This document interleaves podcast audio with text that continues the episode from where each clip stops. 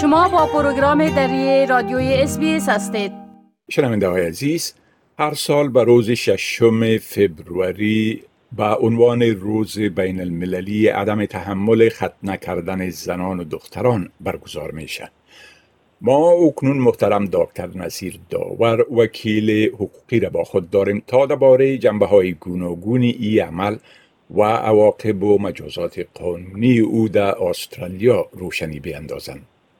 دکتر سب داور با عرض سلام. در اول اگر درباره ای که ای عمل در جهان چقدر عمومیت داره و در کدام کشورها و جوامع بیشتر معمول است صحبت بکنین. تشکر شکیر سید ما به نوبه خود سلام و احترامات خود و شما کارهای شما و همه کسانی که صدای ما شما را از طریق رادیو شما میشنوند پیش می‌کنم. امروز واقعا هم هفته تجلیل از عدم تحمل خدمت کردن زنان و دختران هست و این یک این عمل نادرست در دنیا زنهای زیاده دخترهای زیاده را متاثر ساخته. تقریبا به سطح جهان 200 میلیون زن از این متاثر شده.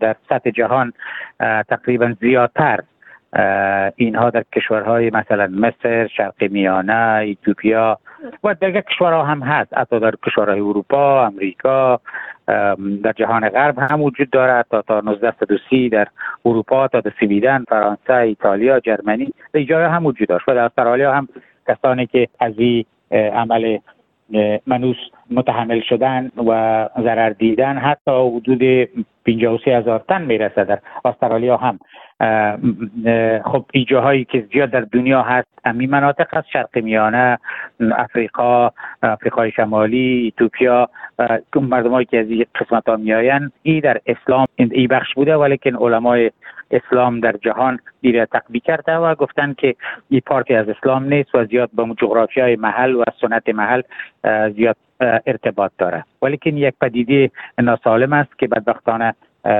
دخترها و زنای جوامع با او دچار مشکل هستند.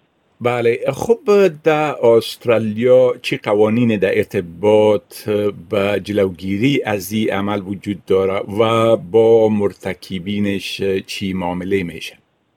شکیب سیب در استرالیا خد نکردن زنان یک عمل غیر قانونی است. و ای در هر دو سطح چی در سطح قوانین فدرالی و چی در سطح قوانین ایالتی. به سراحت در قوانین درد شده. در قوانین فدرالی خود Commonwealth Criminal Law Code Act که ما برش میگیم کاملا در این جمله مورد امو Criminal Law Consolidation که در ماده 22 صراحت داره این منع قرار داده.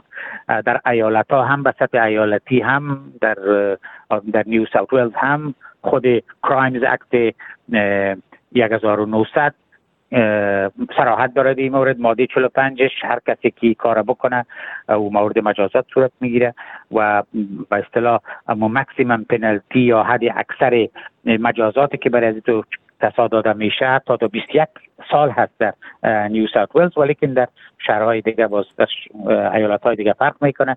در ویکتوریا هم خود کریمینال اکتشان ماده 32 چی در سراحت با سراحت تقبیم می‌کنه.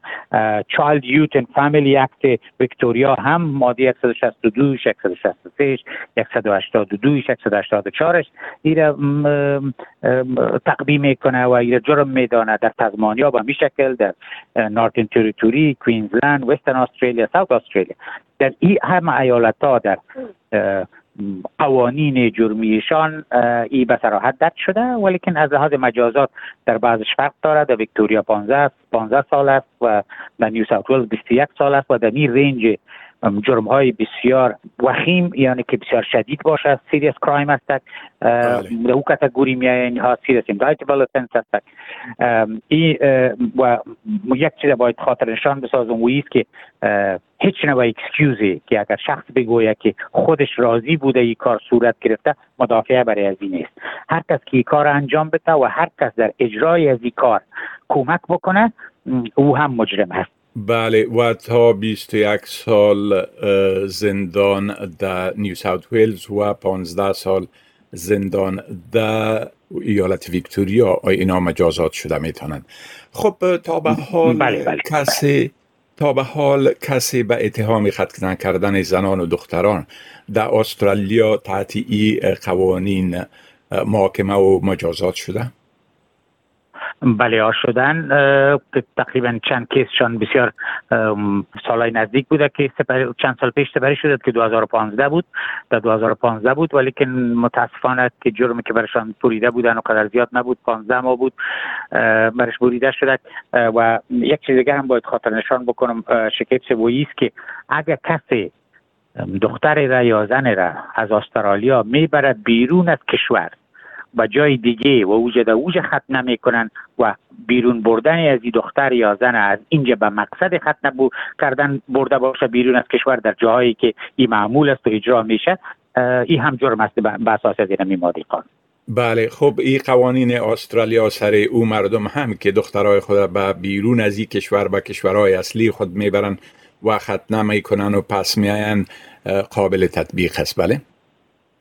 بله بله. امیر من مقصد من همی بود که امیر بگویم برتان بله چون ایتو نیست که کسی را اینجا اگر ختنه صورت نگیره در استرالیا در بیرون از کشور صورت بگیره جرم نیست؟ نه. این هم جرم است. و کسانی که در بردنش حتی کمک کرده باشه هم به می جرم می‌تونن مجازات شوند. خب کسایی که خواهان معلومات بیشتر در این رابطه باشن این معلومات از چی جای گرفته می‌تونن؟ خب منابع بسیار زیاد شکیب در این مورد وجود داره. کرمانسینی های بین المللی حتی در این مورد خود WHO در این مورد وبسایت هایش هست ولی که در استرالیا کسی اگر می‌خواه معلومات پیدا بکنه در خصوصا در کیس های و کمک هایی که میشه و یا منابع که جای به دست بیارن از طریق Female Genital Mutilation Web Australia. امو اگر خلاصیشم در گوگل بزنن FGM استرالیا معلومات کافی را از اینجا گرفته می‌تونه. همه کتابخانه ها در این resource های بسیار زیاد دارن. سازمان های زنها association های زنها در اینجا معلومات های بسیار بسیار دارن. ولیکن منبع اساسی از این امو Female Genital Mutilation Australia FGM منبع اساسی است که در استرالیا. هر کس مورد بله. گوگل تایپ بکنید. همه معلومات خواسته باشین برتان برسونم خب محترم دکتر نظیر داور از این معلوماتتان و از اینکه دعوت ما را برای صحبت امروز پذیرفتین از شما صمیمانه تشکر می‌کنم و برایتان موفقیت می‌خوایم. زنده باشین شکرته من میشه در خدمتتان هستم. روزتان خوش باشه. بپسندید شریک سازید و نظر دهید. اسپیس دری را در فیسبوک تعقیب کنید.